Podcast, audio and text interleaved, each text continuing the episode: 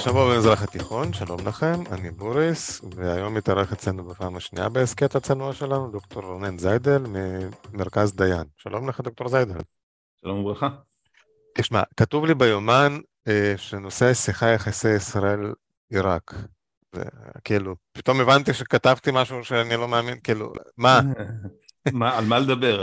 על מה מדברים? לא, אין יחסים, תודה רבה, שלום. כל מה שאני, לא, בסדר, קודם כל, לדבר על כל מה שאני עושה, עשיתי, אה, עוסק בו, כותב עליו, חוקר אותו, אה, פעיל בעניינו, אז בואו לא נבטל את זה, כן?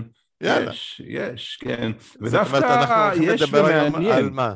על כן. יחסי עיראק אנשים כן, בעיראק ואנשים בישראל נעשה היום? נעשה סדר, כן, לא, נעשה סדר, נדבר okay, על אוקיי, ההיסטוריה של היחסים, נדבר על מה שקורה היום, יש לנו כמה, חצי שעה, שעה? שעה, חצי שעה, חצי שעה, כן, כן אנשים יש, כן. מטיילים עם כלב ושוטפים כלים ואנחנו מנעימים את זמנם וגם okay, מאשרים את עולמם. אז ככה, אז uh, אני uh, אתחיל באיזושהי הקדמה היסטורית ואני אגיע עד, uh, עד היום, פחות או יותר, אני אסביר מה, מה קורה ואני גם אראה ש... בסך הכל אמ, היחסים של ישראל עם מדינות ערב הם די משעממים כי מה יש לך שמה? יש לך עם רוב המדינות שאיתן יש אה, קשרים או אין קשרים. לא משנה יש לך קשר עם איזשהו שליט מלך, דיקטטור, נשיא, נשיא דיקטטור, נשיא שהוא מלך, לא יודע, כל מיני דברים כאלה וברצותו יש קשרים, כשהוא לא רוצה אין קשרים, אם כן. הוא לא כן. רוצה אין קשרים וזה מה שקורה, וכל המהלך של יצירת הקשרים הוא יצירת קשרים עם האליטה הפוליטית הזאת, כשאני אומר אליטה אני עוד אפילו מרחיב את רשימת האנשים שמעורבים בעניין הזה. אבל חשוב להגיד שהשליט יכול להחליט אם יש קשרים או לא, אבל הוא חייב להתחשב בעם לפני שהוא מחליט אם הקשרים האלה יהיו פומביים. וגם אם הוא לא מתחשב כל כך בעם, הוא יכול להחליט מה בראש לו, העם יתיישר פחות או יותר עם הכיוון שלו. תראה כן, מה קרה? במרוקו, כן, תראה מה אה, קרה אוקיי, במרוקו, נכון. איחוד האמירויות וכן הלאה וכן הלאה, זה בערך עובד על, ה, על העניין הזה. זאת אומרת, לא היה שם איזשהו ניסיון אה, של התקרבות בין אנשים, מה שנקרא לפעמים בשפה הדיפלומטית שאני לא כל כך אוהב טרק טו, כן? זה לא בא מלמטה, זה בא מלמעלה, כן. החלטה של, המקרה של מרוקו זה בגלל איזושהי עסקה שהאמריקאים הציעו להם שקשורה בכלל לסהרה המערבית והמלך אה, מצא חן בעיניו העניין הזה אז יאללה בואו נעשה את זה, גם יכול היה לדעת שלא יפילו אותו על העניין הזה, זה לא נורא מסוכן, אז הוא הלך על העניין הזה ויש קשרים עם מרוקו וסחטיין ויופי וסבבה. אה, בעיראק זה לא עובד ככה, זה אף פעם לא עבד ככה, אבל מה שכן עובד זה ניסיונות לעשות את המסלול השני, את הטרק 2 הזה, שעל זה אני אדבר קצת יותר לקראת סוף במידת זאת אומרת, ה... במקרה של עיראק, מה שאתה טוען, שיש קשרים ברמה של בני אדם, כן. ואנחנו מאוד מקווים להפ... כן. שהקשרים האלה, נכון. השורשים האלה יצמחו כלפי מעלה. בדיוק, ומעולם לא היה ולא יהיה ככל הנראה איזשהו שליט עיראקי שיחליט אה, יאללה בא לי, כן, עיראק לא בנויה ככה כי עיראק אף פעם לא הייתה, גם כשהיה בה דיקטטור אולי הכי גרוע בעולם הערבי הוא לא חשב על אה, קשרים עם ישראל ועשה את ההפך, ההפך אבל אם הוא, אם הוא בזמנו היה מחליט, אתם יודעים יאללה עושים שלום עם ישראל, העם היה מתיישר בזמנו? אה, אם הוא היה מחליט ככה יכול להיות שכן, כן, כי הוא היה כל יכול הוא החליט על כל מיני דברים, הוא החליט שהיחסים עם איראן יהיו כאלה והיחסים עם איראן יהיו אחרים, הוא החליט על יחסים עם האמריקאים, הוא, הוא החליט מה שבראש שלו ובאמת שלא היה לו איזה מין עם להתחשב בו, כן? Mm-hmm. לא, לא הלך עם זה לכל מיני בחירות ולא הלך למשאלי עם ולא הלך לפה ולא הלך לשם. הוא היה חזק מספיק בשביל להחליט כל מיני הוא לא היה בראש הזה לא בא לו. אז, עד, אז עד, לא עד היה. שלא תולים אותך זה קל להיות דיקטטור. נכון נכון הוא היה הכי דיקטטור שיש. אז אבל, אבל גם בוא נתחיל קצת עם ההיסטוריה. נתחיל בזה שעיראק עוד לפני סדאם חוסיין ועוד כמעט משחר הקמתה הייתה מדינה ש התבלטה מאוד בזירה הבין ערבית וחלק מהעניין של ההתבלטות היה ניסיון לבלוט במאבק נגד ישראל כי הנושא הערבי אה, אה, ישראלי, ערבי יהודי, אה, פלסטיני ישראלי וכן הלאה וכן הלאה היה נושא בין ערבי מאוד מאוד חשוב עד תקופה מסוימת. ועיראק לכן לא רק השתתפה בכל מלחמות ישראל, בכל חמש המלחמות להוציא מלחמת לבנון אלא גם, אה, חמש כי יש לה גם את המלחמה, מלחמת המפרץ שהיא השתתפה, אבל נדבר על זה נכון. תכף, כן?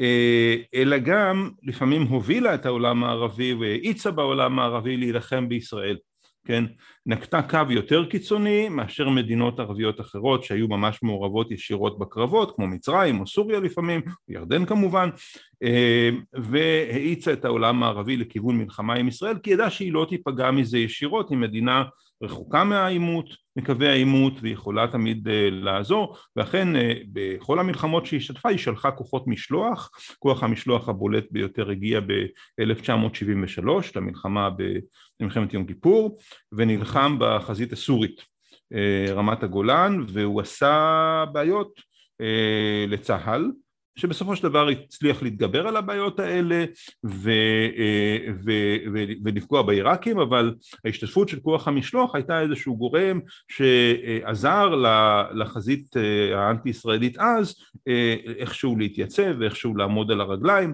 אחרי כל מיני...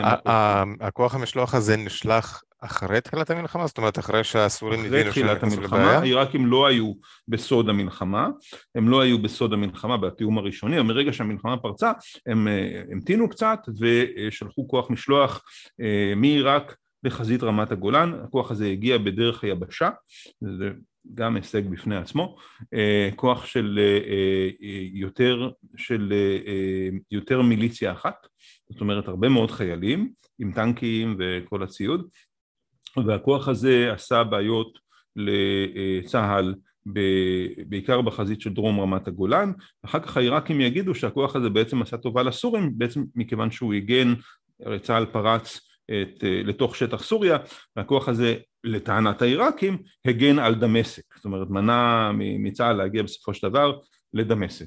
אבל לפני כן הם גם השתתפו ב-48, הם גם השתתפו ב-67 ובכל אה, המלחמות המשמעותיות. ב-67 איפה? גם בסוריה או בירדן? הם בעצם לא השתתפו אה, מעשית מכיוון שהמלחמה נגמרה להם מוקדם מדי. הם הגיעו לירדן וכבר גיל, וגילו שאין מלחמה ואז מה שקרה בעצם זה שהם הגיעו לירדן המלחמה נגמרה ירדן הייתה מחוץ לתמונה והם נשארו בירדן כי לירדנים היה קשה מאוד להוציא אותם נשארו בירדן והתחילו לעשות בעיות לירדנים וחוסיין לא היה לו נעים וכן הלאה וכן הלאה עד שבסוף הוא הוציא אותם כעבור שנתיים. אתה יודע אני קראתי פעם איפשהו זיכרונות של איזה אישה פלסטינית ש... ברחה לירדן וניסתה לחזור חזרה, ב-67 ניסתה לחזור חזרה דרך גשר אלנבי.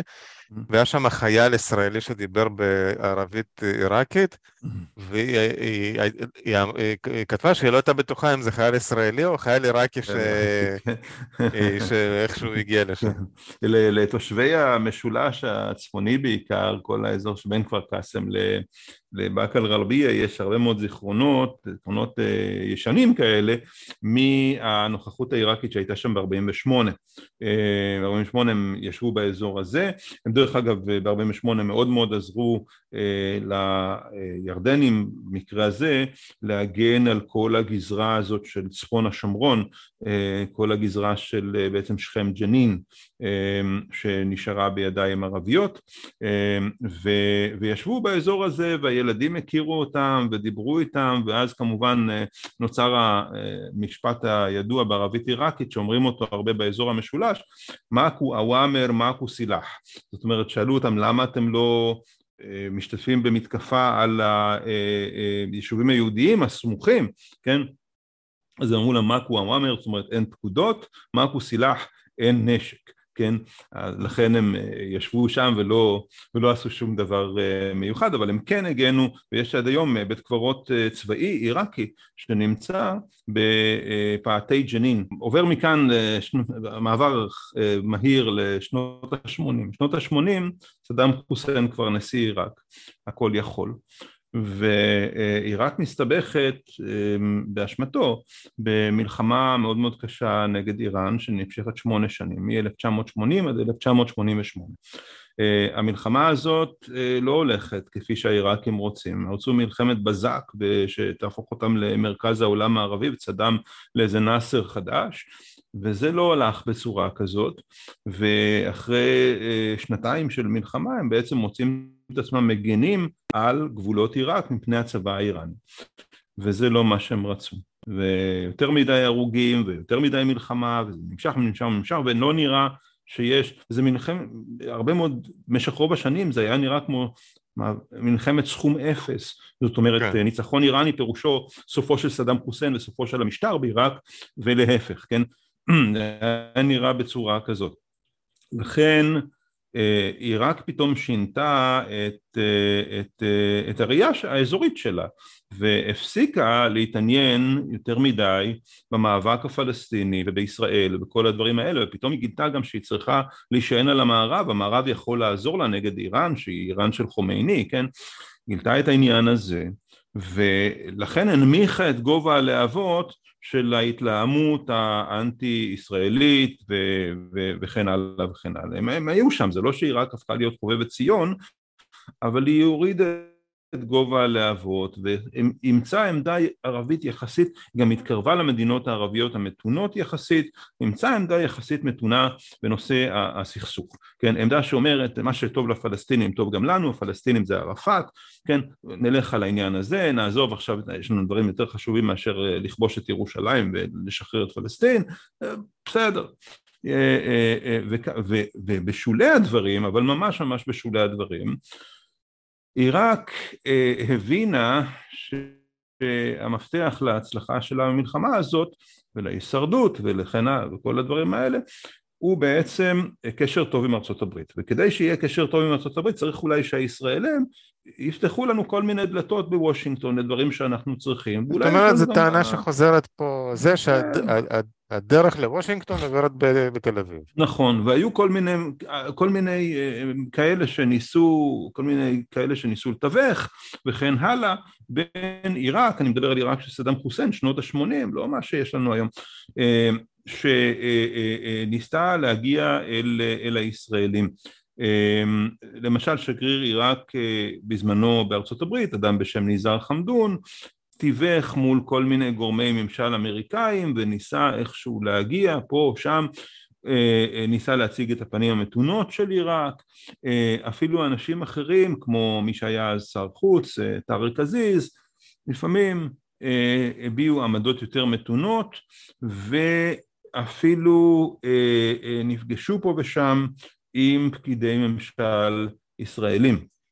עד כדי כך. בחשאי, בסתר, כן, בחשאי שום דבר לא יצא מהדברים האלה בסופו של דבר, מכיוון שבסופו של דבר המלחמה הסתיימה במהלך צבאי עיראקי, בסוג של ניצחון, נקרא לזה ניצחון בנקודות, לא משנה, של העיראקים, ואחרי שהמלחמה מסתיימת בצורה כזאת, סדאם חוסיין מרגיש על הגל, מרגיש מנצח, מרגיש חזק, מרגיש פה ושם, אז יכול לחזור לסדאם חוסיין הישן והלא כל כך טוב שמאיים על ישראל, כי עכשיו הוא גמר עם איראן, יצא מנצח גדול בעולם הערבי, סלח הדין החדש וכן הלאה, אז אה, נפנה, מפנה את יהבו לכיוון, ה, לכיוון הישראלי, מ-1988 סיום המלחמה ועד 1990 מלחמה נוספת. אה, עכשיו תגיד לי, אה, בתקופה הזאת יש את איראן ואת עיראק, בשתיהן אה, בזמנו הייתה קהילה יהודית מאוד גדולה, בשתיהן קהילה הזאת כמעט ונכחדה אה, אפשר להגיד, או נעלמה, או... נכחדה, כן. אה, אני יודע שקיימים קשרים בין יהודי איראן ליהודים בחוץ, גם בארץ וגם מחוץ לארץ. איראן? איראן? באיראן. זהו, okay. אוקיי. השאלה שלי לגבי יהדות עיראק באותם, באותה תקופה, נשארו שם יהודים או ששם בכלל נמחק? Uh, כן, uh, תראה, לאורך התקופה, אני מדבר על שנות ה-80, קהילה הייתה טיפה כן. יותר גדולה, אבל מדובר על כמה עשרות שרק נשארו שם, לא, לא קהילה ממש uh, גדולה ומתפקדת. כי למה? היום... כי עיראקים פחות היו סבלניים כלפי יהודים מהאיראנים?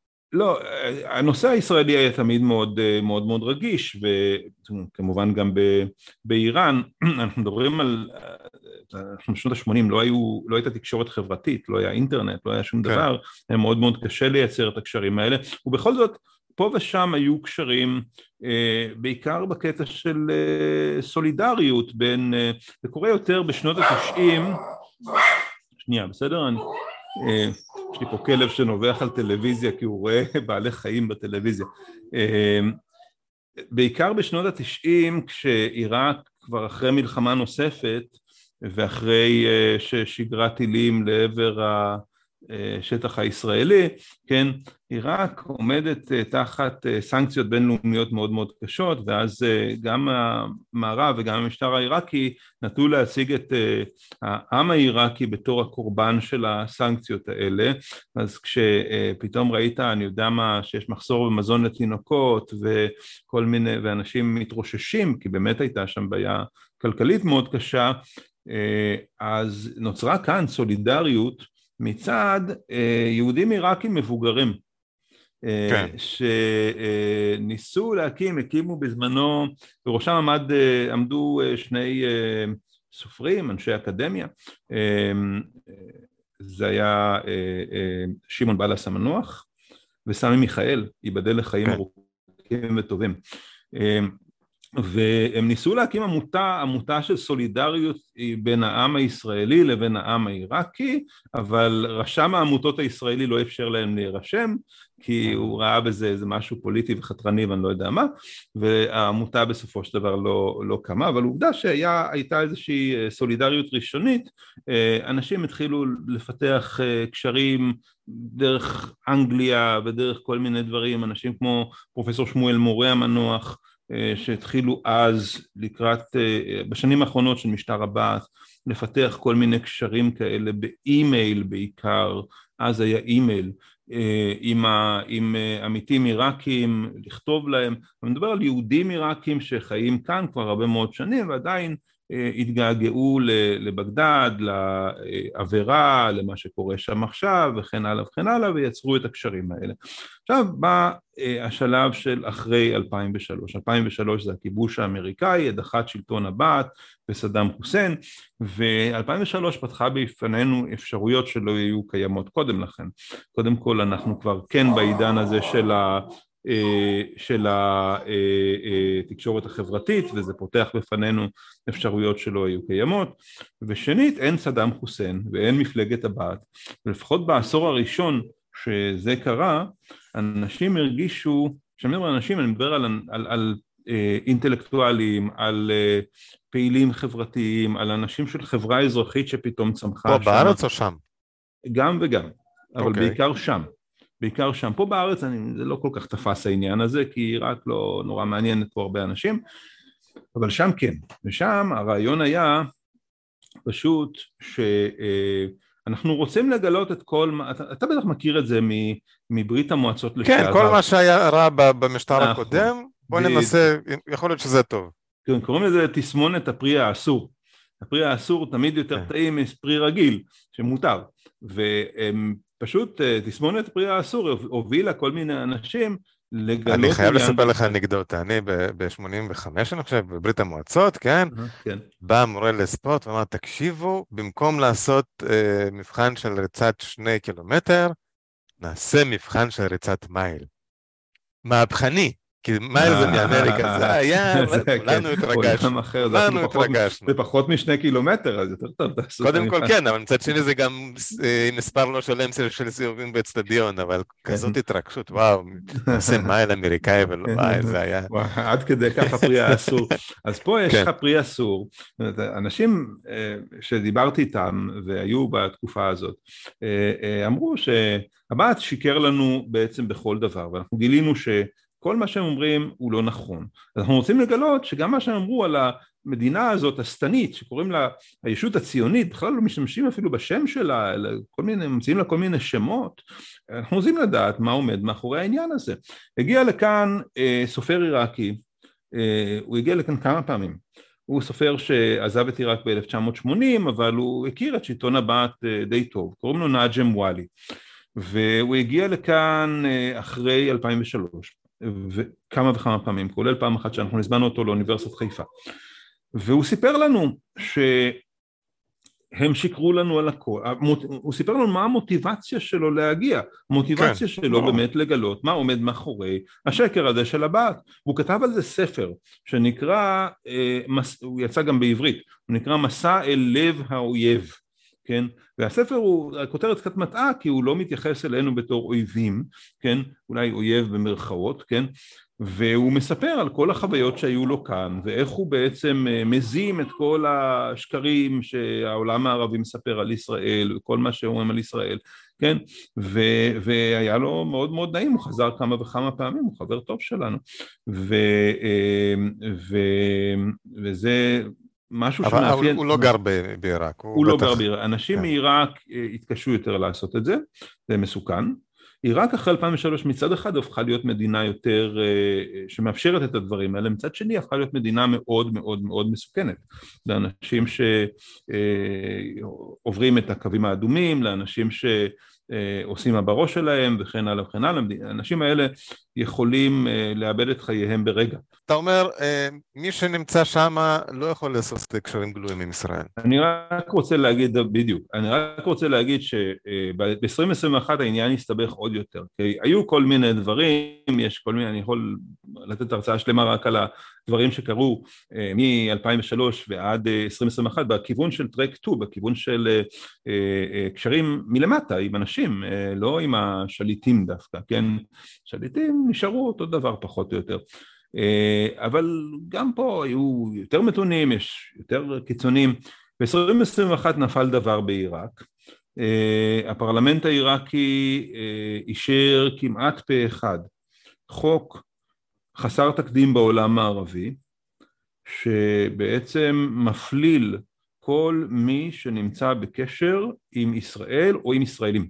החוק הוא מאוד מאוד מפורט, הוא קובע מה זה אומר בעצם אה, אה, קשר עם ישראל, שורה שלמה של פעולות, דברים שנעשו, דברים שנעשו קודם לכן, למשל אה, אם אתה מתרגם ספר שנכתב בעברית, מוציא אותו בערבית בעיראק, אתה עובר עבירה על החוק הזה, כן, ודברים נעשו. למגדיר את הפעולה הזאת כבגידה מדרגה ראשונה והעונש הוא או מאסר עולם או, או אפילו עונש מוות. אין מדינה ערבית נוספת שבה יש חוק כזה והחוק הזה אה, שיתק הרבה מהדברים שאנחנו עשינו. גם בלבנון? שמעתי שבלבנון גם יש איזה חוק דרקוני כזה. לא, לא, אה, יכול להיות שיש שם איזשהו חוק ישן שלא ממש מופעל, אבל uh, uh, בלבנון גם לא היה יותר מדי צורך להפעיל אותו, um, ואני חושב שיש גם כל מיני נוגדנים לעניין הזה בלבנון, לא, לא יעשו עם זה יותר מדי.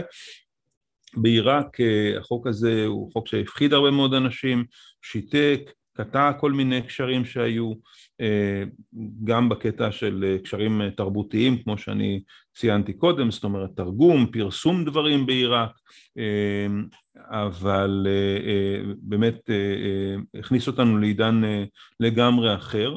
הוא בעצם בישר את זה שעיראק עברה מתקופה יחסית יותר ליברלית עד 2021 לתקופה הרבה פחות ליברלית והנושא של הקשרים עם ישראל הוא נייר לקמוס לליברליות של עיראק.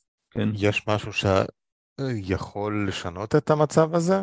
זאת אומרת, למשל, משבר כלכלי, ואז הם יצטרכו עוד פעם גישה לאמריקאים, או... אה, כן, אתה נוגע בנקודה נכונה, אני לא יודע אם זה ישפיע ישירות על הנושא של ישראל, עיראק אה, עלולה למצוא את עצמה בפתח של משבר אה, כלכלי, יש בינתיים איזשהו, יש שם סימנים שהדינר העיראקי, שהיה מטבע יציב עד, עד לא מזמן, עובר פיחות מול הדולר, והבנק הפדרלי האמריקאי אה, מאוד מאוד מקשה עליהם מכיוון שהוא לא מספק להם דולרים נוספים.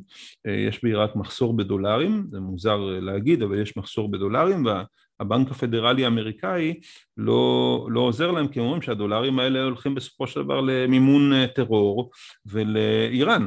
אז למה כן. לספק להם, כן?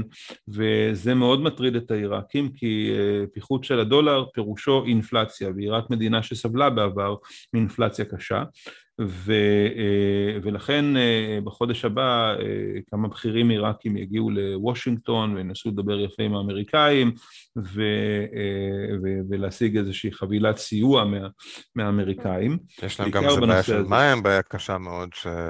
כן, אבל זו בעיה אבל... ש...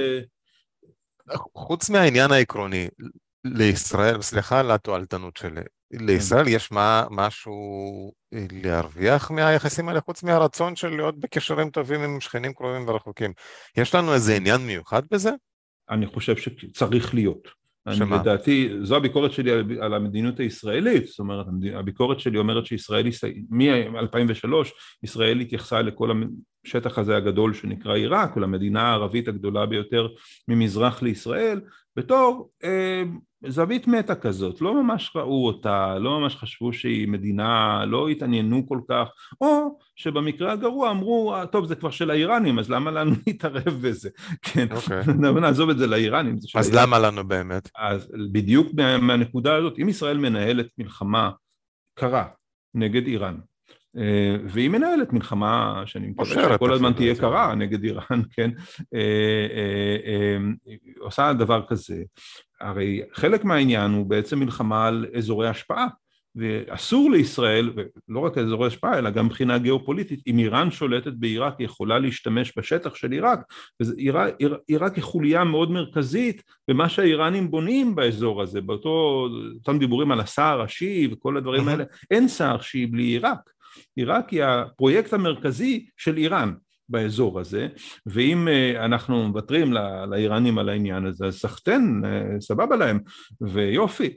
אה, אחד הדברים שאני יכול להצביע עליהם, למשל, אנחנו מפחדים מהטילים האיראניים ומהיכולות הצבאיות האיראניות. היכולות הצבאיות האיראניות בסוריה מגיעות דרך עיראק. הן מגיעות דרך עיראק. זה המסדרון. נכון, זה המסדרון הנחוץ, אחרת הם יצטרכו להעביר את זה בדרכים אחרות, דרך אווירית וכן הלאה, אבל זה מאוד מגביל אותם. כשיש להם את עיראק הם יכולים להעביר משאיות ומשגרים ודברים כאלה דרך הגבול העיראקי ואחר כך דרך הגבול העיראקי-סורי ולהביא אותם לסוריה, או אפילו לשים אותם על עיראק, בעיראק, והטילים יגיעו. כן? זאת אומרת, בשביל זה אנחנו אה, צריכים... איך קראו למקום הזה? ח' 300? H... H3.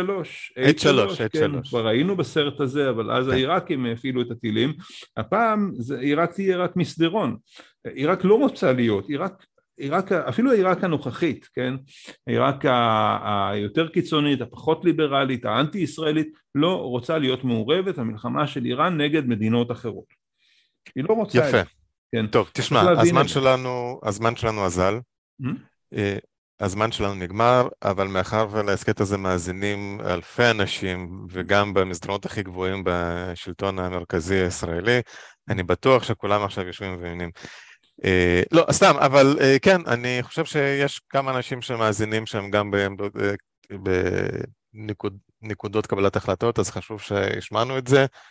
האמת שאני חייב להודות שאני בדיוק במצב שבו אתה תיארת. אני, עד השיחה שלנו הזאת והקודמת, עיראק, בסדר, מדינה, אולי היסטוריה מעניינת, אולי כן. זה, אבל אה, לא מעבר לזה, זה קיימת או לא קיימת, מבחינתי זה היה אותו דבר, אבל אה, בהחלט אה, הערת עם פנס על הנקודה המטה הזאת, ועל זה אני רוצה להגיד לך תודה.